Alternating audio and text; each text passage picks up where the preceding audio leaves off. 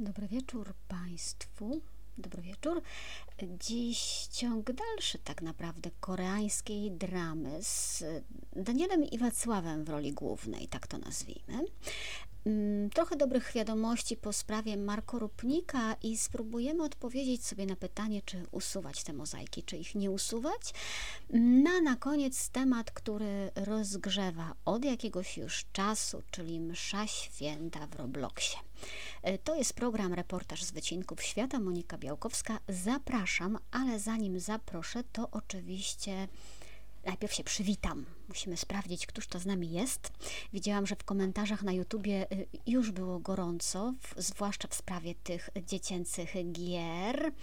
Y, Jadwiga się zastanawiała, czy temat będzie poruszony. Jagoda mm, pisze, że to być może jest burza w szklance wody, bo trwa od dawna. Y, ksiądz Krzysztof pisze, że kto w dzieciństwie nie odprawiał mszy na desce do prasowania, niech pierwszy rzuci kamień.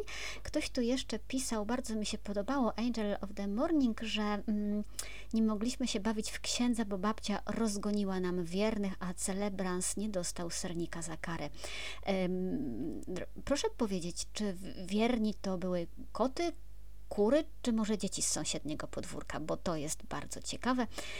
Agata ze Słupska się wita, Justyna z Bytomia się wita, Barbara mówi, że też odprawiała, Anna, że ogląda koreańskie dramy. Cia, tu się dzieje. Mm, i Sławomir. Bardzo proszę, jakby będziemy rozmawiali o tej, o tej mszy internetowej, więc, y, więc te Wasze komentarze będą wtedy bardzo cenne. Y, y, sprawdzam, Łódź się melduje, Warszawa się melduje. Ksiądz Marek pisze, że kolenda przeszkodziła w oglądaniu na żywo. Taka robota, ale już się kończy, prawda? Paweł się melduje z psem. Mm, Karol pisze, że dobry wieczór z Łodzi, gdzie ludzie są rzekomo najbardziej niemili. E, tak, czytałam, e, ale proszę pamiętać, panie Karolu, że to jest badanie na podstawie tego, co ludzie mówili, jak oceniają zachowania innych, więc to niekoniecznie jest tak, że w Łodzi są najbardziej niemili, tylko że w Łodzi mają najbardziej wygórowane oczekiwania co do grzeczności innych. Tak możemy to interpretować. E, I Facebook też się melduje. Małgorzata pisze, że nie pojawiło się pojawienie na powiadomienie na Facebooku. Nic Państwu nie potrafię na to poradzić. E, to jest aplikacja i ja tylko tutaj się y, loguję, ona powinna, Bydgoszcz z opóźnieniem i Poznań. Y, aha, Angel pisze, że to były i koty, i koledzy z podwórka. Karol dostał ochrzan od babci za odprawianie pogrzebu maskotki. Barbara przypomina o łapkach w górę. A Renifer, że na krótko nad morzem zagościłam. Tak, y, wróciłam z nadmorza, jadę do Krakowa. Potem do Warszawy. Ojciec Lech pisze, że odprawiał na ciastku i kompocie. Mm jeszcze w gong walił. Ja słyszałam o księdzu, który podczas mszy świętej sam sobie przygrywał jednocześnie na e, syntezatorku, więc, e, ale to prawdziwy ksiądz już po święceniach. Nie wiem, czy to jest prawda, czy legenda miejska. Dobra, e, proszę Państwa... Mm, ja bym bardzo prosiła, tak jeszcze w kwestii porządkowej, żeby Państwo, zwłaszcza na YouTubie, pogrzeb szczurka babci, nie mówiliśmy. Wiedziałam, że będzie ciekawie. Ja bardzo proszę, zwłaszcza Państwa, państwa na YouTubie, żeby nie komentować tam pojawiających się później e, wpisów w stylu ale brzydki głos, tak? Szkoda Państwa energii, a ja i tak e, tych e, miłych i głęboko wierzących ludzi bardzo szybko zbanuję. Jakby pisali, że ale gruba dupa, no to bym jeszcze mogła coś z tym zrobić. No a głos dostałam od Pana Boga, i niewiele mogę z nim zrobić. To się akurat operacji plastycznej nie poddaje. Jeżeli ktoś się czepia głosu, no to się czepia Pana Boga, że jest fatalnym stwórcą i że wyjątkowo mu to nie poszło. Jak ma odwagę, niech tak mówi, byle się nie zdziwił kiedyś własną doskonałością przed Panem Bogiem. Yy, przyznaję Państwu, że jak czytam takie rzeczy, to mi się czasem odechciewa cokolwiek robić yy, dalej. I się mam ochotę zaszyć w myśli dziurze, no bo jestem człowiekiem tylko, mm, ale potem e, sobie przypominam, że jest cała masa e, innych ludzi e, i nie będę Państwu zabierała mm, programów i, i, i spotkań również między Państwem przez jedną czy drugą idiotkę, sorry. Więc trzeba żyć z brzydkim głosem, y, z grubą dupą, a jak ktoś nie potrafi znajdować lepszych argumentów, to tylko y, i wyłącznie o nim świadczy. Mm, pani Jola pyta, gdzie są koty, bo ona dla kotów tu przyszła. Bardzo mi miło, czuję się doceniona. Czy ktoś z Was się może pokazać? Mela jest zajęta jedzeniem, a Fufu jest za ciężki, żebym go brała na ręce. Rozkład, jeszcze jedna rzecz. Mm, ogłaszałam na Facebooku konkurs chodziło o judaizm. Mam książkę biskupa Rysia do oddania. E, książkę dostanie pani Anna Korzeniewska. Bardzo proszę pani Anno, żeby pani się do mnie odezwała, bo ja nie bardzo napiszę jeszcze komentarz, mm, ale ja z profilu nie mogę się odezwać pierwsza do pani. E, bardzo dziękuję za tą odpowiedź. Ona była dla mnie bardzo wzruszająca, chociaż przyznaję, że pan e, Grzegorz Kaczmarek walczył tutaj dzielnie. Żałuję, że nie mam dwóch książek, bo najchętniej, no to jest drugie miejsce bez nagrody. Dobra, startujemy, proszę Państwa. Mm, skoro zaczęliśmy e, sprawę księdza Galusa, to dokończmy sprawę księdza Galusa, żeby jej nie porzucać w połowie drogi, i to jest właśnie ta koreańska drama. E, pytają e, też Państwo, od razu chciałabym dopowiedzieć o księdza Prause. Proszę dać mi y, czas, żebym się mogła do tego przygotować, ale też sprawdzimy, co się tam wydarzyło. Porozmawiamy o stygmatach, porozmawiamy o stygmatykach, ale nie dzisiaj. Y, dzisiaj jeszcze wraca ksiądz Galus. Ufam, że ostatni raz. Naprawdę ja nie mam jakiegoś tutaj, y, jakiejś frajdy zgrzebania się w tym. Mm, wracamy, bo ksiądz biskup Depo napisał list do diecezjan. On był czytany w niedzielę. To jest kolejny ruch, który ma na celu y, ostrzeżenie diecezjan przed niebezpieczeństwem y, i ochronę tych y, przed tym niebezpieczeństwem. Więcej biskup w tej chwili zrobić nie może.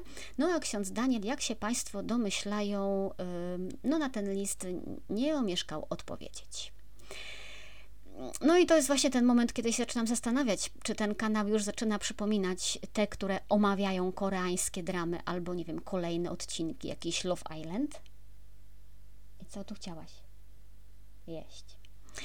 Y, no, proszę w każdym razie docenić mój heroizm. Nie zawaham się tego tak nazwać. Mm, to nagranie trwa prawie godzinę. Mm, musiałam do niego usiąść, wysiąść E, ksiądz Daniel pisze, że jeżeli mówi, że jeżeli chodzi o dwa pierwsze punkty listu biskupa, to on nie rozumie. Tam są chyba jakieś aluzje do nich, ale on nie rozumie. E, czego te punkty dotyczą? Mm, zaglądam. U nas listu nie było. Urszula mówi, bo to był list do diecezji częstochowskiej. Mm, w tych pierwszych dwóch punktach biskup pisze o źródłach biblijnych e, i o grzechu indywidualizmu. W wielkim skrócie, Jezusowi od początku towarzyszą apostołowie. Państwo już wiedzą, bo się spotykamy Boże, ponad dwa lata, e, że tam, gdzie jest mowa o, apostoł, o apostołach, to przekładamy we współczesnym świecie na biskupów. To jest takie ABC teologii katolickiej. Mm, wspólnoty pierwszego kościoła, chociaż były absolutnie wspólnotami charyzmatycznymi i bardzo mocno doświadczały działania Ducha Świętego, to nie były dzięki temu wolno od słabości i nie były dzięki temu wolno od niedojrzałości. E, sam fakt, że gdzieś działa Duch Święty, nie oznacza jeszcze, że wszystko będzie super i że na pewno będzie zdrowe. Nie musi być zdrowe, bo my nie jesteśmy doskonali. Po prostu. E, I biskup pisze, we wspólnocie korynckiej dochodziło między innymi do rozłamów i tworzyły się różne stronnictwa. Wobec tego i innych nieporządków konieczna była autorytatywna interwencja apostolska świętego Pawła. Paweł przypomniał Koryntianom, że przez fakt chrztu czy jakiejkolwiek innej posługi kościelnej nie należą do osoby, która tę posługę pełniła, ale do Chrystusa, który za nich umarł. Co to znaczy? Że we wspólnocie, w zdrowej wspólnocie nie należymy do księdza, który, który nas ochrzcił. Nie należymy do księdza, który odprawia nam Eucharystię. Nadal należymy do Jezusa. W Jego ręku jesteśmy, nigdy nie w ręku y, księdza. Mm, I jest dalej o tym, że Kościół nigdy nie był wolny od podziałów, że dzisiaj też nie jest, że przyczyną tego jest indywidualizm. Michał pisze, że drama koryncka, a nie koreańska. Dobre, Michał, zawsze za to Cię lubiłam. Mm, przyczyną jest indywidualizm, czyli ten indywidualizm rozumiemy jako e, to, że jednego człowieka czynimy naszym punktem odniesienia wierzymy, że jest prawdą to, co ten człowiek twierdzi, że jest prawdziwe. I taka postawa, którą biskup nazywa wyrafinowanym egoizmem i indywidualizmem, może dotyczyć też ludzi wierzących i religijnych. Nawiasem mówiąc, to rozróżnienie wierzących i religijnych jest bardzo ciekawe. Może kiedyś się tym zajmiemy, bo te grupy jednak się trochę od siebie różnią, chociaż mają e, część wspólną. Cytuję: Skrajny indywidualizm skutkuje odrzuceniem pośrednictwa zbawczego Kościoła i władzy apostolskiej, co może prowadzić do odstępstwa. Czyli tak bardzo słuchamy jednego księdza, że przestajemy słuchać Kościoła i w ten sposób od Kościoła odchodzimy. E, ksiądz Daniel mówi, mm, że nie rozumie, że to są chyba jakieś aluzje, bo owszem, wspólnota potrzebuje pasterza, który będzie ją prowadził w duchu nauki katolickiej, no a ta wspólnota jest tak prowadzona. I cytuję: Nie można zarzucać wspólnocie, która ma kapłana, że to jest jakiś grzech indywidualizmu. Ano, można. No właśnie można, jeżeli ten ksiądz prowadzący, nazywający się katolickim, jest jedynym punktem odniesienia. Jeżeli buntuje, nastawia wspólnotę przeciwko Kościołowi, przeciwko biskupom, jeżeli na dodatek ten ksiądz jest w karach kościelnych i wpędza ludzi w potężny grzech profanacji, bo udziela im niegodnie sakramentów, no to można mówić, że jesteśmy na drodze odstępstwa. E, ksiądz Daniel e, przekonuje, że jeśli pasterz, czyli on by odszedł, no to rozproszyłyby się te biedne owce. No i rzeczywiście, bo wiedzą Państwo, bo my y, żyjemy na takiej pustyni, nie? Dookoła nas jest amazońska dżungla. Żadna droga nie prowadzi do miasta. Wydostać się można tylko łodzią i płynąć siedem dni. I żadnego innego księdza w promieniu tysiąca kilometrów nie ma. Jak zabraknie tego jednego pasterza, to po prostu ludzie umrą bez sakramentów. To jest, to jest dopiero drama koryncko-koreańska. Tak? Czy coś pomyliłam? No nie wiem. Dalej jest y, coś, jakby mi się tu zaczęło, jak tego słuchałam, lekko y, zbierać na mdłości, bo ja to będę dalej potem ignorowała. To po prostu wraca jak mantra, ale tego jest mnóstwo. Powtarzanie, że my pokornie służymy Kościołowi, my jesteśmy wspólnotą katolicką, jesteśmy posłuszni Kościołowi. To są y, manipulacje i kłamstwa, albo po prostu pobożne życzenia księdza. Bo to posłuszeństwo, służba i miłość Kościoła w przypadku tej wspólnoty są bezobjawowe, tak? Po czym się poznaje, proszę Państwa, miłość do Kościoła? Po tym, że nam y, serce mocniej bije na jego widok? No, nie sądzę. Po takiej tęsknocie zakochania? Też nie sądzę. Po tym, że śni ci się po nocach y, biskup albo msza święta? No, raczej nie. Y, miłość Kościoła to jest wybór to jest decyzja, która kosztuje i nas też czasem kosztuje takiego prawdziwego zaparcia się siebie. To jest decyzja posłuszeństwa w wierze, że nie będę szukać sam Jezusa, ale szukam go tylko i wyłącznie razem z biskupem miejsca. Naprawdę my wiemy, jak to boli. Y, to jest decyzja, że idziemy razem, niezależnie od tego, ile będzie mnie to kosztowało. I jeżeli to wiemy, no to wychodzi na to, że ksiądz Daniel wcale nie kocha Kościoła, że on jest zakochany w swoim wyobrażeniu, że nie słucha Kościoła takiego, jakim ten Kościół jest. Bo gdyby go kochał, e, to by o tym nie opowiadał, ale klęczałby przed biskupem i prosiłby o zdjęcie suspensy, żeby móc w tym kościele sprawować ważne sakramenty. To jest objaw miłości do kościoła. E, czy to jest służba kościołowi? Czy to jest tylko służba konkretnej grupce ludzi w konkretnym miejscu i powiedzenie ani kropki więcej ci kościele nie dam. Ja nie chcę służyć kościołowi, ja chcę służyć tej jednej grupie ludzi, tylko im i tylko w tym miejscu. To nie jest miłość do Kościoła katolickiego, to nie jest miłość do Kościoła powszechnego. To jest odmawianie miłości Kościołowi, Odmawianie Kościołowi dania z siebie więcej, dania siebie innym ludziom w inny sposób, w innej formie. ale pod ładnym pretekstem, nie? że my tylko, tylko tu. Y, I teraz wracamy do mm, listu biskupa. On pisze, że z objęciem posługi pasterskiej w archidiecezji y, przejął skomplikowaną sytuację pustelni Ducha Świętego, posługi księdza Daniela i wspólnoty, i pomimo nawróceń, y, działalność księdza Daniela budziła niepokój wielu osób, w tym innych biskupów.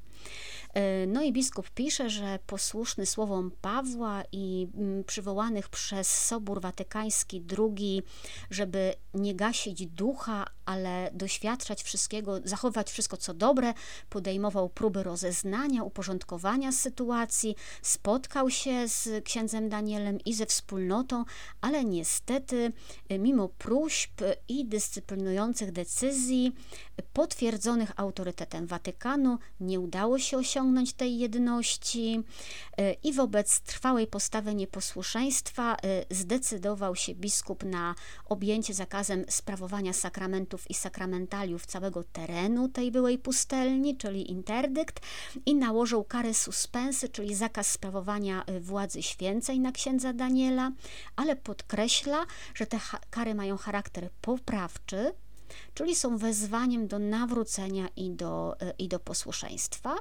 Biskup pisze, że jest świadomy tego, że nikt nie może powiedzieć, że jest bez winy, że biskup też jest odpowiedzialny za powierzony mu kościół, że nie zawsze będzie podejmował najlepsze i trafne decyzje, ale nie pomniejsza to faktu, że tak jak w kościele nie ma władzy, która mogłaby zmienić depozyt wiary, tak również nie ma innej drogi, która weryfikuje naszą świętość, jak droga posłuszeństwa Kościołowi. No i zwraca się z prośbą do wspólnoty, żeby wyznając y, jedną wiarę, oczyszczała się ze wszystkiego, co uderza w jedność, świętość, powszechność i apostolskość. Czy wiedzą Państwo, jaka jest odpowiedź księdza Daniela na to? Odpowiedź jest taka. A dlaczego biskup nie napisał listu o skandalicznych zachowaniach księży, o pedofilii, o imprezach gejowskich, o orgiach z kobietami i alkoholizmie? Dlaczego nie wymienił tamtych księży z nazwiska i nie zwołał komisji, która by to zbadała? A mnie badali? E, dlaczego zwracam na to uwagę? Mm, zwracam na to uwagę, dlatego że to jest, proszę Państwa, technika manipulacyjna, która polega na e, deprecjacji drugiej strony na skupieniu się na jej słabościach, po to, żeby wzmocnić własną pozycję, a odebrać jej autorytet. Po drugie, mamy tutaj do czynienia z błędem logicznym w dowodzeniu.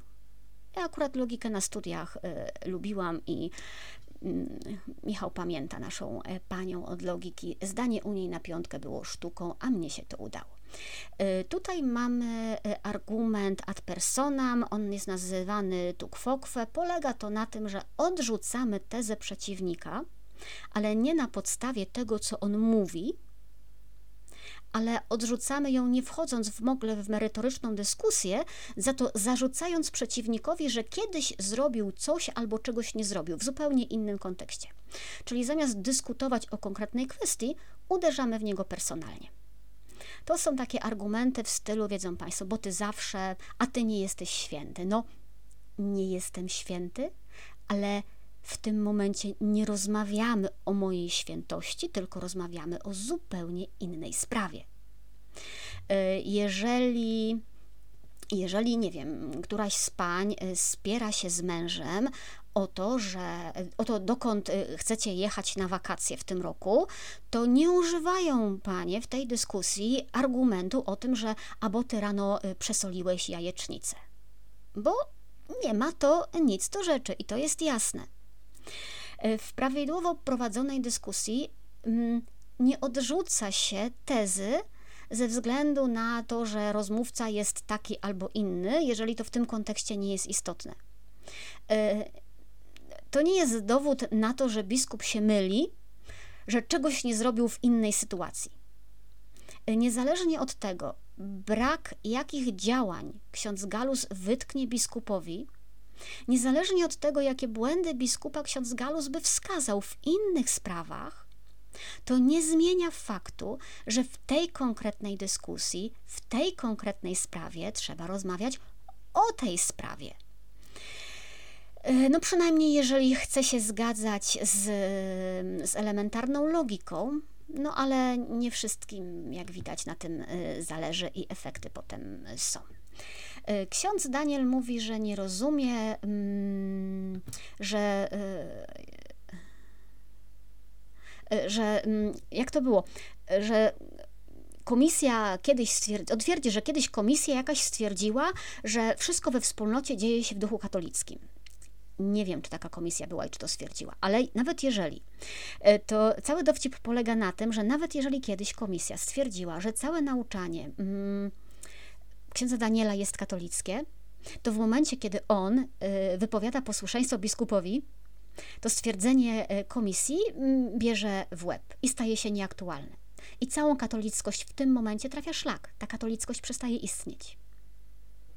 E, cytuję właśnie argumenty z worka dziadek z Wehrmachtu. No właśnie, niestety to działa na nas, bo my też logiki się nie uczymy. E, cytuję, biskup zabiera tytuł katolicka naszej wspólnocie.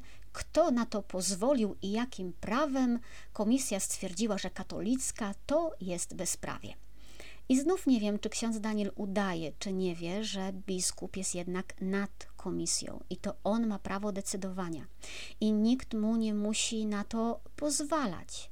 To on decyduje, jeżeli się obawia, że dzieje się coś złego.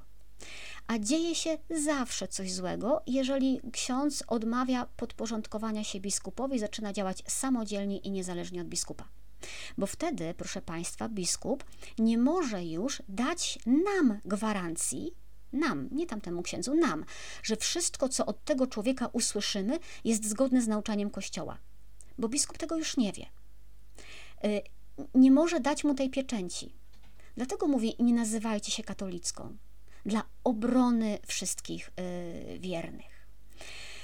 E, dlaczego biskup nie wysłał tam księży? Dlaczego zakazywał? Ksiądz Daniel mówi o tym, jaki to był e, dla niego cios.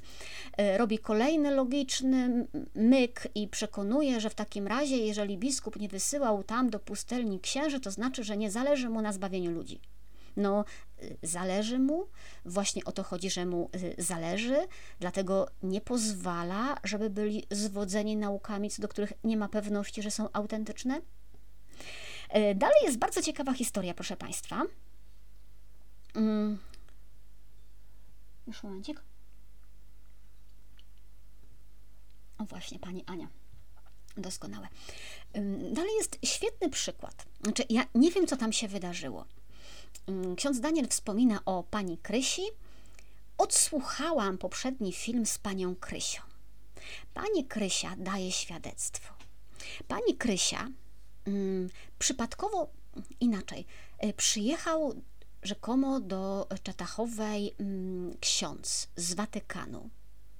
I ten ksiądz spotkał przypadkowo panią Krysię z kuchni i opowiedział tej przypadkowo spotkanej pani Krysi z kuchni, nie wiem w jakim języku, bo tego nie powiedziała, e, opowiedział, że pani Krysi, że e, biskup Depo podzielił kościół i że musimy coś z tym zrobić. No i ten ksiądz z Watykanu, z e, kongregacji, z dekasterii, e, pytał przypadkowo spotkaną panią Krysię o wyświęcenie księdza Daniela do końca życia dla tego miejsca w Czatachowie. Pani Krysia zapytała tego księdza, czy msze sprawowane przez księdza Daniela są ważne. No i ten ksiądz z Watykanu powiedział jej, że nawet bardzo ważne, ponieważ się pielgrzymi odwołali od decyzji biskupa. No i to jest bardzo wiarygodne oczywiście świadectwo pani Krysi, no zwłaszcza, że no ksiądz Galus powiedział, że ona jest prawdomówna. A potem, proszę Państwa, pani Krysia mówi: y, My nigdy nie oddamy naszego kościoła i naszego pasterza, ojca Daniela. Y, I tu się zaczynają oklaski, y, potem oklaski na stojąco, potem wiwaty, a potem skandowanie: Nie oddamy. Kurtyna. I tak sobie pomyślałam, co by ci ludzie zrobili, gdyby któregoś dnia zamiast księdza Daniela przy ołtarzu stanął tam zupełnie inny ksiądz. Czy oni nadal szliby za Jezusem z tym księdzem? Czy byłby bunt, że to nie jest ksiądz Daniel? To byłby doskonały test na to, do kogo są przywiązani. Czy są tam ze względu na, e, na księdza e, Daniela, czy są tam ze względu na Jezusa. E, ksiądz Daniel przekonuje, że nikt nie znalazł nic niekatolickiego w treściach wspólnoty, może i w treściach nie, w formie owszem. Okazuje się, że, mm, że to sama postać księdza Daniela jest tu problemem, co on skrzętnie ukrywa, bo on nie powie wiernym, chcę być waszym guru, manipuluje wami. W 2014 roku mówił i niepokoił się tą sprawą również biskup Andrzej Czaja. Mówił, Niepokoi mnie brak jednoznacznej jedności wspólnoty Miłość i Miłosierdzie z arcybiskupem częstochowskim. Biskup Czaja mówił to do członków tej wspólnoty pochodzących z jego diecezji. Mówił, że niezrozumiałe jest dla niego funkcjonowanie księdza e, Daniela. Nie wiedział, czy to jest ksiądz, czy to jest ojciec. E, od arcybiskupa Wacława Depo wiem, że jest to ksiądz o dość dziwnym tytule święcej na pustelnie, a przecież święci się dla kościoła. Tu nagle z pustelni wyrosło Forum Romanum, co mnie niepokoi. Czy nadal mamy do czynienia z pustelnikiem? Zleciłem teologom sprawdzenie, co znajduje się w czasopiśmie wydawanym przez wspólnotę. Wynik jest taki, mówi biskup Czaja. Jeżeli chodzi o treść, numer czasopisma zawiera świadectwa i relacje osób doświadczających. Yy, pogubiłam się w tej treści szczególnego działania Ducha Świętego. Są tam pobożne artykuły, upraszczam, teologicznie poprawne. Jednak największym mankamentem czasopisma zdaje się być bezustanne odwoływanie się w wielu tekstach do autorytetu księdza Daniela Galusa którego każdemu słowu i gestowi przypisuje się przesadne znaczenie, postrzegając go niemal jako proroka naszych czasów. Y, ten swoisty kult jednostki, który budzi niepokój, jest przecież jednym ze znamion sekty. Wątpliwość moją budzą także nieprzejrzyste praktyki modlitwy o uwolnienie, które skutkują manifestacjami złego ducha. Radzę Wam, mówi e, biskup Czaja do swoich e, wiernych. Dopóki sprawa jest w badaniu i nie jest rozstrzygnięta, nie angażujcie się w posługę uwalniania złego ducha, co byście na siebie nie ściągnęli jego działania. Zwracam się o czujność, o rozwagę, o to, żeby wspólnotowe zaangażowanie opierać o parafię i kształtować w obrębie parafii. Nie chcę Was odwodzić od Jezusa, co do założeń wspólnoty są dobre, ale jako pasterz Kościoła Opolskiego jestem stróżem waszego bezpieczeństwa. Tyle, e, tyle biskup Czaja. Mm, kult jednostki to są, mm, to są mocne słowa.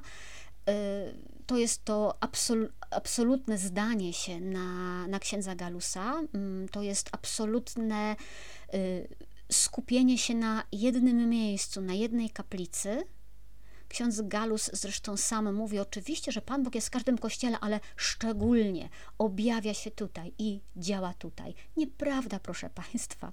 Jezus dokładnie tak samo działa na każdej Eucharystii, w każdym kościele, sprawowanej przez każdego księdza. Żadna Eucharystia nie jest bardziej albo mniej. E, ja przyznaję, że mm, Krysia Lokuta causa finita. Panie Henryku, brawo. E, nie dosłuchałam do końca tego wystąpienia. Okazało się to nie na moje nerwy, nawet w przyspieszeniu. E, ksiądz Daniel przekonuje, że sprawa jest owszem skomplikowana, ale że ona się skomplikowała dopiero wtedy, kiedy przyszedł biskup Depo i namieszał. I tutaj chciałabym wrócić, ja już kiedyś o tym chyba mówiłam, chociaż tak króciutko, wrócić do, do historii tej wspólnoty. Co tam się w ogóle wydarzyło? Też pani Teresa podesłała mi materiały, żebyśmy rozumieli korzenie całego problemu. Y, pisał o tym też y, Łukasz Kazimierczak już w 2006 roku. Ktoś mi mówił o lokowaniu produktu, tak, przewodnik katolicki. Y, Santocha wreszcie udało się na żywo. Bardzo lubię tych, co są pierwszy raz na żywo.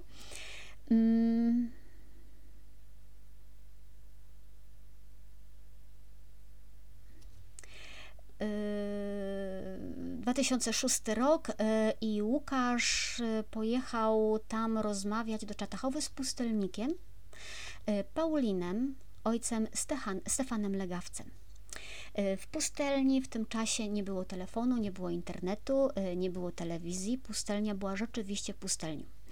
Ciekawą postacią jest ojciec Legawiec. On jest e, Paulinem, był doktorem teologii e, i to był człowiek, który o życiu pustelniczym marzył już od bodaj 17 roku życia, od czasu jak był nastolatkiem, ale Kościół wtedy nie miał takiej formuły prawnej, nie było takiej możliwości. E, I ta formuła pojawiła się w momencie, kiedy ogłoszono nowy kodeks prawa kanonicznego w 1983 roku. No i rzeczywiście na początku lat 90. E, on jako Paulin dostał od swoich przełożonych zgodę na to, żeby zaczął żyć jako pustelnik. Pustelnikiem nikt sam się nie robi, też musiał tutaj tę zgodę jako zakonnik otrzymać. E, potem zebrało się jeszcze pięciu innych pustelników, każdy z nich miał swój domek tam w lesie. I ojciec y, Legawiec, jak wynika z rozmowy z nim, miał tak dosyć mocno poukładaną tą ideę życia pustelniczego. On rozumiał jego sens, rozumiał znaczenie, y, znał trudności, wiedział, jak sobie z tymi trudnościami radzić, wiedział, dlaczego sobie z nimi radzić. Y, od czasu do czasu głosił rekolekcje mm, i wtedy ostrzegał przed taką mm, bezproblemową wiarą. Wiedział, że kryzysy przychodzą, że są wpisane w, w nasze powołanie. E, I ci pustelnicy w Czatachowie większość czasu spędzali osobno, e, sami przygotowywali sobie posiłki. Bardzo ważna tam była praca, taka fizyczna. Ojciec Legawiec mówił, że lenistwo jest e, chorobą pustelnika. Dlatego w tej pustelni był ogród, pszczoły, warzywa, owoce dla takiej wewnętrznej dyscypliny. To życie wyglądało na bardzo spójne. No ale do ojca legawca przychodzili po radę różni ludzie. To też nie jest nic nadzwyczajnego. E, pustelnicy w kościele od samego początku tak działali. Jak Państwo poczytają e, historię wielkich mnichów, pustelników, e, to, to, to, tak, to właśnie, tak to właśnie było, że ludzie przychodzili się pustelników radzić. No i zapewne w ten właśnie sposób ojciec legawiec spotkał młodego wówczas chłopaka, który przeszedł przez pięcioletnią formację w zakonie Paulinów i nie dostał u Paulinów święceń. Nie wiemy, dlaczego tych święceń kapłańskich nie dostał. To się wydaje dość istotny moment. No więc ojciec legawiec tego chłopaka wspierał, no i chłopak zamieszkał w Czatachowie. Został też wyświęcony, wyświęcony jako ksiądz diecezjalny. Domyślają się Państwo, że miał na imię Daniel. E, I owszem, arcybiskup Nowak zgodził się na te święcenia i skierował e, księdza Daniela do pustelni. E, właśnie dlatego mm, najprawdopodobniej, jakby nie słyszałam tego od biskupa, więc mówię najprawdopodobniej, żeby nie głosił do ludzi, żeby nie prowadził duszpasterstwa i żeby nie spowiadał. To nie była pozytywna obietnica, tu masz swoje miejsce, to jest Twoja misja, jesteś na zawsze dla tego miejsca wyświęcony. To było takie święcenie ze świadomością, że no, są problemy, ale się zlitujmy, ale ten człowiek nie powinien mieć kontaktu z duszpasterstwem. Tak to trochę wygląda. Na błąd, na krótkowzroczność biskupa, no i mamy do tego dopisaną całą y, legendę o święceniach wyłącznie dla tego miejsca, co jest oczywistą brednią, bo w kościele nie ma takiej formuły święcenia kogoś do jednego tylko miejsca. I teraz ten y, młody ksiądz, już wyświęcony, mm, przyjęty z dobrego serca w tej pustelni, zaczął w niej wprowadzać swoje porządki. Spraszał tam tysiące ludzi, y, urządzał transmisję przez internet, urządzał wielkie wydarzenia, chciał budować centrum rekolekcyjne, zakładał fundację, no i wszystko super. Tylko to nie ma nic wspólnego z życiem pustelniczym. E, Ore Ore pisze, że nie może znaleźć informacji, co się stało z, z ojcem legawcem. Ja też nie. Nie wiem, y, szukałam. E, wiemy, że ojciec legawiec z tej pustelni odszedł, ale dokąd nie dotarłam. No a ksiądz Galus został w tej przejętej pustelni sam. W jednym z artykułów gdzieś znalazłam informację, że jest to jedyna y, pustelnia z sekretarką pustelnika. W 2010 roku mm, powstała tam wspólnota Miłość i Miłosierdzie Jezusa, ale jak widać, powstanie tej wspólnoty to nie był zdrowy początek, to było już narastanie pewnego problemu, który się wymknął spod kontroli. I kiedy się przeglądam tej e, koreańskiej dramie, proszę Państwa, to naprawdę mam ochotę powiedzieć stop. Kurka, chłopie, po prostu ustąp. Na jakiś czas. Pomyśl o tych ludziach, co w nich karmisz i nie brnij. Jeżeli wierzysz w Jezusa w każdej Eucharystii, to zaufaj, że inni księża będą tych ludzi karmić. Jeżeli to, co robisz, jest dziełem Bożym, to naprawdę biskup, którego uważasz za grzesznego, go tego nie zniszczy. Jeszcze wrócisz, jeszcze napiszesz statuty, konstytucję, jeszcze będziesz kiedyś beatyfikowany. Nie ma lepszej drogi udowodnienia biskupowi, że się myli, jak ustąpić i poczekać, aż Bóg udowodni, że działał przez Twój charyzmat. A przez pyskówki, przez siłowanie się z biskupem nikt nigdy w kościele nie został. Tak się rodzą odstępcy nieświęci, a zgorszenie jest potężne. Ma ksiądz za sobą ludzi, jest ksiądz za nich odpowiedzialny, więc niech ich ksiądz pośle na Eucharystię do ich własnej parafii. Niech ksiądz ich pośle do spowiedzi do ich parafii. Niech ksiądz zbuduje w nich zaufanie do innych księży i niech ksiądz zrezygnuje z tej wyłączności w ich sercach. Nie może ksiądz dla nich być jedyny, bo tak działa Bóg. Jak ksiądz jest dla nich jedyny, to to nie może być Boże. Dopóki ksiądz dopóki ksiądz wierzy, że jest jedynym księdzem w tej amazońskiej dżungli, to tylko ich ksiądz przywiązuje do siebie. I to nie jest bycie pasterzem, tylko guru.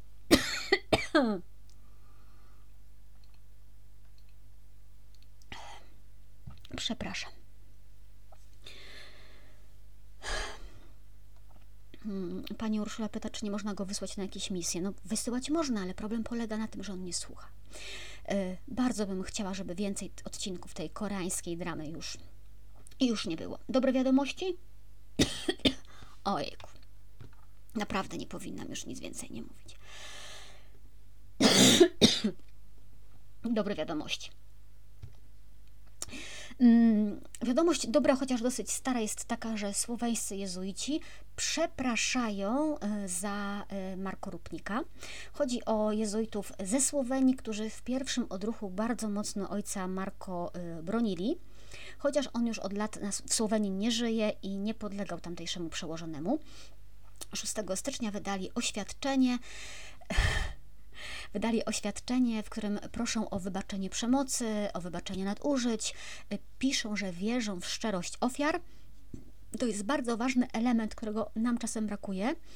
I jednocześnie proszą władze zakonu w Rzymie mm, o to, żeby dokładnie wyjaśnić wszystkie okoliczności popełnionych przestępstw. E, to zwrócenie do Rzymu jest tutaj bardzo ważne i pokazuje, że mamy de facto e, w, kryzy- w kościele jednak ogromny kryzys zaufania.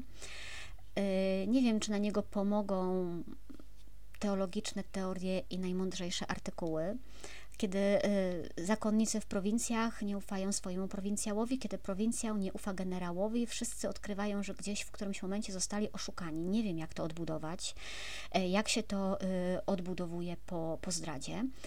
Słoweńscy jezuici przyznają, że nie potrafili w przeszłości wysłuchać ofiar, nie potrafili y, odpowiednio zadziałać. Mm, cóż, z jednej strony to jest straszne, z drugiej strony, wszyscy na sobie nosimy trochę tej winy, że kiedyś nie umieliśmy słuchać.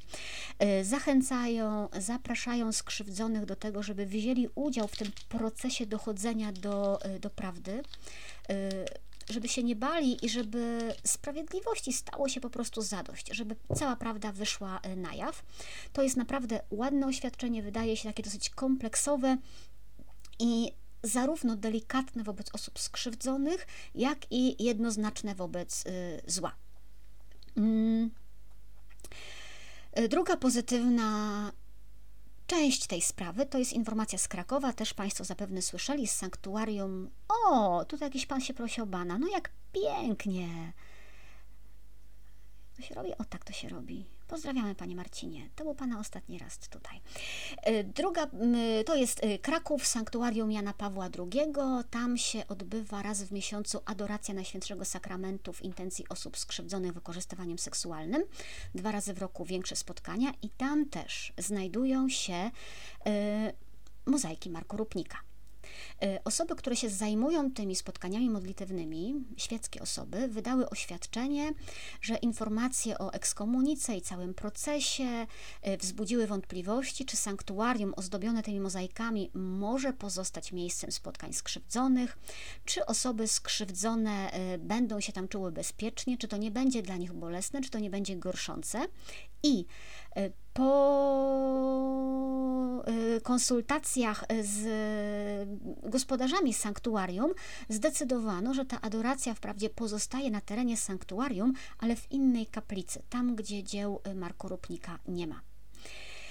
Jednocześnie y, jest informacja, że osoby skrzywdzone podkreślały, że sanktuarium jest dla nich dobrym miejscem, jest miejscem, gdzie się czują bezpiecznie, gdzie są zaopiekowane przez y, duszpasterza.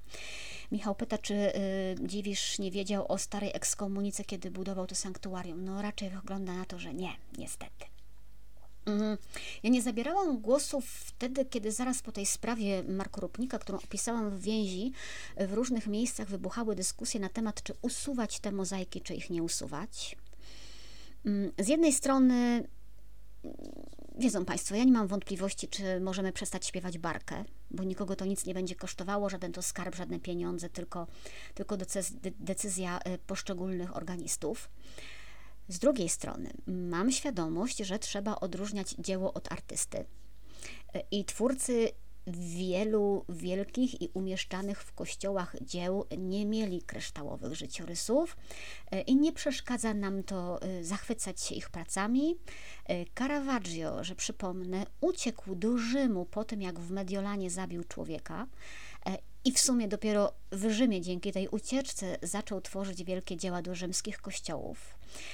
Y, na pewno był awanturnikiem y, i w Rzymie już jako ceniony artysta miał też grubą kartotekę, rozboje, napaści, pijaństwo, wybijanie okien w kamienicach, kolejne przewijające się przez łóżko prostytutki. Więc dlaczego Caravaggia podziwiamy?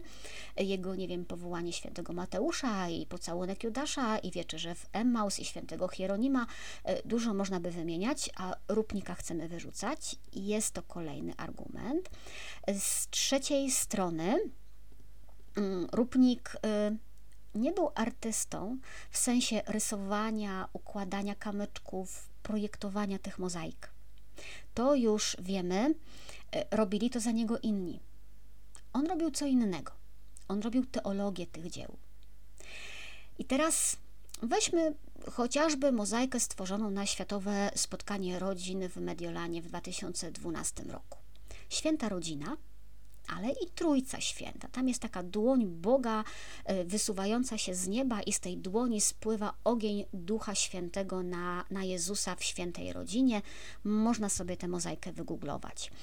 E, I ojciec Marko Rupnik sam wyjaśniał teologię tej mozaiki i mówił: W świętej rodzinie niebo spotyka ziemię, a Trójca Święta znajduje najdoskonalsze ludzkie przedstawienie. Wszystkie ziemskie relacje i działania powinny podążać za logiką miłości, by w ten sposób odnaleźć nową harmonię i piękno, odbicie i objawienie Trójcy Świętej. I jak się tego słucha? Kiedy już wiemy, że Marko Rupnik zmuszał siostry zakonne do seksu w trójkącie, argumentując to doskonałą logiką miłości, pięknem, odbiciem i objawieniem Trójcy Świętej, to czy to się da wymazać z głowy? I jaka naprawdę teologia kryła się pod tym, co my uważaliśmy za pobożne, a było docna wyuzdane w głowie autora? I ja nie wiem, czy da się patrzeć na przedstawienie Trójcy Świętej Rupnika, jakiekolwiek, bez myśli o tych potwornie skrzywdzonych siostrach. I czy na pewno w tym przypadku, kiedy artysta daje teologię, a nie tylko ręce, czy jakiś zamysł czysto artystyczny, czy na pewno da się oddzielić twórcę od dzieła? Ola pyta, czy Marko Rupnik się wypowiadał. Y, nie. Ja takiej wypowiedzi jego żadnej nie słyszałam. z czwartej jeszcze strony, usunięcie teraz wszystkich dzieł Marko Rupnika to jest naprawdę gigantyczne przedsięwzięcie. To jest też bardzo kosztowne przedsięwzięcie, bo usunięcie to jest jeden koszt, stworzenie czegoś w tym miejscu to jest kolejny koszt i pytanie, czy to jest koszt ponoszony potrzebnie czy niepotrzebnie, jak to wyważyć. I nie wiem, czy, czy rzeczywiście pewnym wyjściem nie jest, nie wiem, ktoś może uznać to za ucieczkę. Nie mam pojęcia. Czy jakimś wyjściem nie jest po prostu zapominać? To znaczy nie pielęgnować pamięci o nim, nie pisać i nie chwalić, że to róbnik. Y, z czasem, kiedy będzie czas na remont, to po prostu wymieniać na coś innego. No i robić to, co w sanktuarium w Krakowie, to znaczy być uważnym, żeby zwłaszcza osób skrzywdzonych nie pakować w te przestrzenie, które są przesiąknięte jakąś toksyczną teologią. Nie wiem, sama szukam i się dzielę z Państwem nie tyle gotowymi odpowiedziami, co własnymi pytaniami. Może Państwo odpowiedzi znajdą, chętnie poczytam. E, I przyznaję, że tak samo szukam i pytam w ostatnim dzisiaj temacie. Mm, bo ja przyznaję, że, że mnie to przerosło ja po prostu czuję się, jakbym dostała tym tematem w twarz i absolutnie nie wiem, co z tym zrobić. Znam, yy, chodzi o mszę w tym Robloxie oczywiście. Yy, znam wszystkie argumenty za i mówiące, że to jest super. Znam wszystkie, czy te, które się pojawiają u nas, argumenty przeciw. Zgadzam się z nimi, a jednocześnie wszystkie potrafię obalić. W skrócie mamy platformę, zbierają internetową, zbierają się tam dzieciaki, odtwarzają mm, kościół konkretny. No właśnie, Anna pisze, że ojciec Rupnik Caravagiem nie jest. To też jest inna sprawa odtwarzają konkretny kościół dzieciaki, na przykład katedrę gnieźnieńską, w najmniejszych detalach. Potem odprawiają mszę świętą yy, z wielką dbałością o szczegóły. Co więcej, wyczytałam gdzieś, żeby trzeba być, żeby być celebransem, to trzeba przejść w tej grze dwumiesięczne seminarium duchowne, co mnie w ogóle zachwyca. Nie ma tak, że tak hop siup. Można być ministrantem, można być wiernym w ławce i mamy wszystko tak, jak powinno być. Wystrój kościoła i szaty liturgiczne takie jak trzeba, i wszystkie modlitwy, i śpiewy. Jest naprawdę super wiedza dzieciaków. Y, myślę, że inne, które w tym uczestniczą, nawet przy okazji, czy dla beki, albo żeby sprawdzić, to przy okazji się uczą czegoś. Może jedynym skutkiem będzie to, że będą wiedziały, jak się zachować na mszy świętej na pogrzebie babci. No i ile zostało do końca, ale to też jest jakiś plus. I no i takich możliwości tutaj ksiądz Krzysztof bodajże na początku wspominał, że też takie mszy odprawiał. I rzeczywiście mm, to się bardzo często księżom zdarzało i mm, takich możliwości jakby technicznych, takiego dopracowania szczegółów nie miał żaden z tych dzisiejszych księży, kiedy się bawił w odprawianie. Bawiło się naprawdę wielu. Y, ja nie, nie byłam chłopcem. Wiedziałam, że nie. U nas w domu był tylko taki, nawet Państwu wzięłam. Y, pamiętają Państwo takie wazoniki z czasów PRL-u? I ten wazonik, jego spód przypominał y, kształtem, kolorem i fakturą komunikant. I to mnie inspirowało, ale proszę nie pytać o szczegóły. Y, z pewnością y, chłopaki nie mają tutaj złych zamiarów. Absolutnie nie. Uważam, że nie ma tutaj żadnej intencji kpiny. Z jednej strony to jest super zabawa. Mm, taka, jaka była zawsze. Z drugiej strony, to pani Ewelina e, pisała, e, to jest też ćwiczenie dla tych, którzy są ministrantami, którzy są ceremoniarzami. Oni się w ten sposób dużo uczą, mogą przećwiczyć pewne sytuacje, e, zwłaszcza takie liturgie, myślę, które są odprawiane raz w roku. Rafał mówi, że bez kazania odprawiał. Słyszałam jedno kazanie na Robloxie, głoszone przez jakiegoś nastolatka jakby to ładnie Państwu powiedzieć, to kazanie tego nastolatka trzymało średni poziom kazań, które słyszę. Gdyby głos był inny, to bym się nie zorientowała, że to mówi y, dziecko po dwuletnim seminarium duchownym, a nie ksiądz po sześciu latach studiów. To nie wyszło mu to dużo gorzej. Y, ale jest też ciekawe to, że.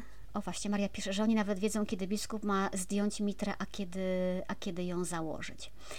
E, ciekawe jest to, że dzieci i młodzieży jakoś specjalnie tłumnie w kościele nie ma, a na te serwery z mszą ustawiają się kolejki, ale tysiące, proszę Państwa, tysiące. Mm, nie wiem, czy to jest pobożność i duchowość, czy to jest jakaś moda, czy to jest jakiś trend, o którym y, nie będziemy, nie będziemy pamiętać. Y, bardzo ciekawe jest to, że oni mają y, jakąś potrzebę uczestnictwa i mają potrzebę takiego poczucia sprawczości w tym, co się dzieje, i to jest fantastyczne. Tylko, że z drugiej strony, na żywo ta liturgia żebyśmy się dobrze rozumieli, ona też jest pewnym rodzajem gry. E, po co się zadowalać jakimiś erzacami, to znaczy robić to w internecie, skoro można w niej wziąć udział naprawdę? Założyć komrzet, dzwonić dzwonkami, przeczytać lekcje, no i doświadczyć Eucharystii. I to jest dla mnie trochę niezrozumiałe. Nie mówię, że złe, niezrozumiałe, może po prostu jestem staruszką e, i nie rozumiem i wolę prawdziwe życie e, niż e, grę w życie. Pani Monika pyta, gdzie to można zobaczyć? Na YouTubie, po prostu. Wpisać na YouTubie Roblox msza i na pewno wyskoczy, wyskoczy, tego, wyskoczy tego masa. Czy zgadzam się, że z argumentami, że są rzeczy, które może robić tylko ksiądz, że to jest kpina, grzech, pośmiewisko, że to podchodzi pod bluźnierstwo. Nie. Naprawdę odróżniam rzeczywistość od zabawy. Y, sprofanować można Eucharystię, a to nie jest Eucharystia, to jest tylko gra, to jest udawanie. Y, odróżniam prawdziwe ciało i krew Chrystusa od y, obrazka na ekranie i tak naprawdę nikt z tych dzieci nie udaje, że ta liturgia jest prawdziwa. To jest gra. E, Anna pisze, że dzieci chętniej robią wszystko w sieci, um, unikając prawdziwego życia. I właśnie z tym, proszę Państwa, y, wiąże się moja jedna wątpliwość. Dalila pisze, że musi to zobaczyć. Nie, ale to jest, ale to jest naprawdę 45 minut, 50 minut mszy w całości z ludzikami przypominającymi Lego. To nie, nie ogląda się tego dosyć prosto. Mam wątpliwość. Nie wiem, czy, czy ktoś się na tym zastanawiał. Ja się do tego nie dokopałam. Bo proszę pomyśleć, żyjemy dzisiaj w świecie, w którym ta cyfrowa, ten świat cyfrowy trochę nam niektóre przestrzenie z prawdziwego życia zagarnia i przejmuje. E, nie rozmawiamy często na żywo, tylko przez komunikatory, i ta forma e, stała się absolutnie naturalną drogą komunikacji. E, przez komunikatory my często jesteśmy w stanie powiedzieć sobie więcej i szczerzej, niestety, niż twarzą w twarz. E, potrafimy siedzieć w dwóch różnych miejscach e, świata i oglądać razem film przez internet, potrafimy imprezować przez internet. Pan ze sklepu e, nic o nas nie wie, bo, bo zakupy robimy przez internet. Uczymy się przez internet, szkolimy się, pracujemy zdalnie, bez kontaktu z drugim człowiekiem i pandemia przyzwyczaiła nas do tego jeszcze bardziej okej, okay, i tak się potoczył świat i tego nie cofniemy. Ja tutaj nie będę mówiła, że stało się coś y, straszliwego. Y, tylko, że msza święta nigdy nie będzie przez internet. Eucharystia będzie zawsze wymagała żywej obecności. I zastanawiam się, jakie skutki może przynieść taka gra. Y, nie wiem, podkreślam, ja tu nie wydaję kategorycznego stanowiska, tylko szukam. Nie wiem, czy taka gra nie jest czymś zastępczym. Jeżeli potrzeba wspólnoty, potrzeba sprawczości, potrzeba uczestnictwa, nawet tego zewnętrznego liturgicznego teatru będzie zaspokojona w domu, to po co z domu wychodzić? Y, I nie wiem, czy nie będzie tak, to jest trochę inne jeszcze moje pytanie, że jeśli dzisiaj ta msza będzie grą dla tysięcy,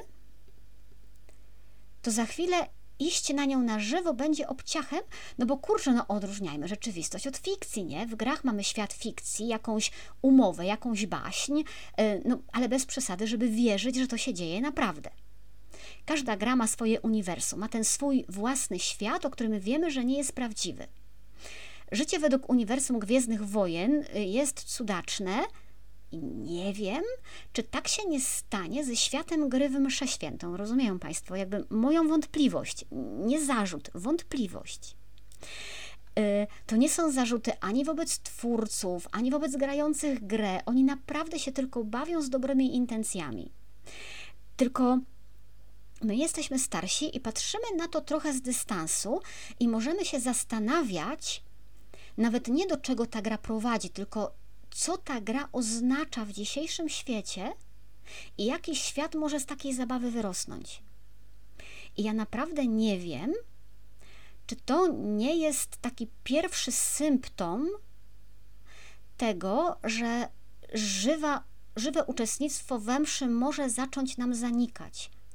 Czy to nie są takie pierwsze syndromy umierania i przenoszenia Eucharystii do kategorii pojęć, ale to jest tylko taka gra, ale to jest przecież taka bajka. I to ma swoje konsekwencje dla całej wiary. Nie wiem. Miałam kończyć optymistycznie, chyba mi nie wyszło. Yy, może się mylę, może coś nadinterpretuję, ale, ale się boję takiego właśnie stworzenia ze mszy świętej uniwersum nieprawdziwego takiej gry, w której już na żywo nie ma co wchodzić. Lechu pisze, że nie ma co się martwić, bo za udział w takiej mszy nie dostaną podpisu do bierzmowania. Tak, tak. Yy, no i to tyle. Szymon pisze, że wśród gier są też symulatory i ludzie nie przestają latać z samolotami. Może tak. Y, na koniec, proszę Państwa, y, tradycyjnie przypomnę, że się te programy odbywają dzięki patronom y, z Patronite. Mogę sobie pozwolić dzięki nim na pracę dla Państwa. To tyle. Mm, Sławomir pisze, że może zapytać o co chodzi tych, którzy grają. Nie, ja absolutnie rozumiem o co chodzi. Ja rozumiem, że chodzi o, o ewangelizację, o, o naprawdę dobre rzeczy. Tylko my musimy wiedzieć, że ruchy nasze mają swoje dalekosiężne konsekwencje, których my możemy nie przewidywać. Ewentualnie one wyrastają z jakichś trendów, które już się pojawiają, a my nie zdajemy sobie z nich sprawy i nie umiemy ich nazwać. Ja jestem przekonana, że twórcy tych gier nie pójdą tak daleko w, w, w nazywaniu i powiedzą, że przecież nie o to im chodzi. Ja próbuję na to spojrzeć trochę z takiej metaperspektywy i zobaczyć, co to oznacza, że oni w ten sposób ewangelizują na przykład. Dobra, zostawmy to. Proszę Państwa, y, obawiam się, że w czwartek może nam się nie udać spotkać. Y, ze względu na służbowy wyjazd mogę mieć problem z dostępem do internetu. Postaram się, ale nie mogę tego Państwu obiecać. Będę dawała znać. Jeżeli nie uda się nam spotkać w czwartek, to z pewnością uda nam się spotkać y, w najbliższy poniedziałek, czyli za tydzień. Dobrej nocy, proszę Państwa. Nie dajcie się hejterom. To był program Reportaż z wycinków świata Monika Białkowska. Dobrej nocy.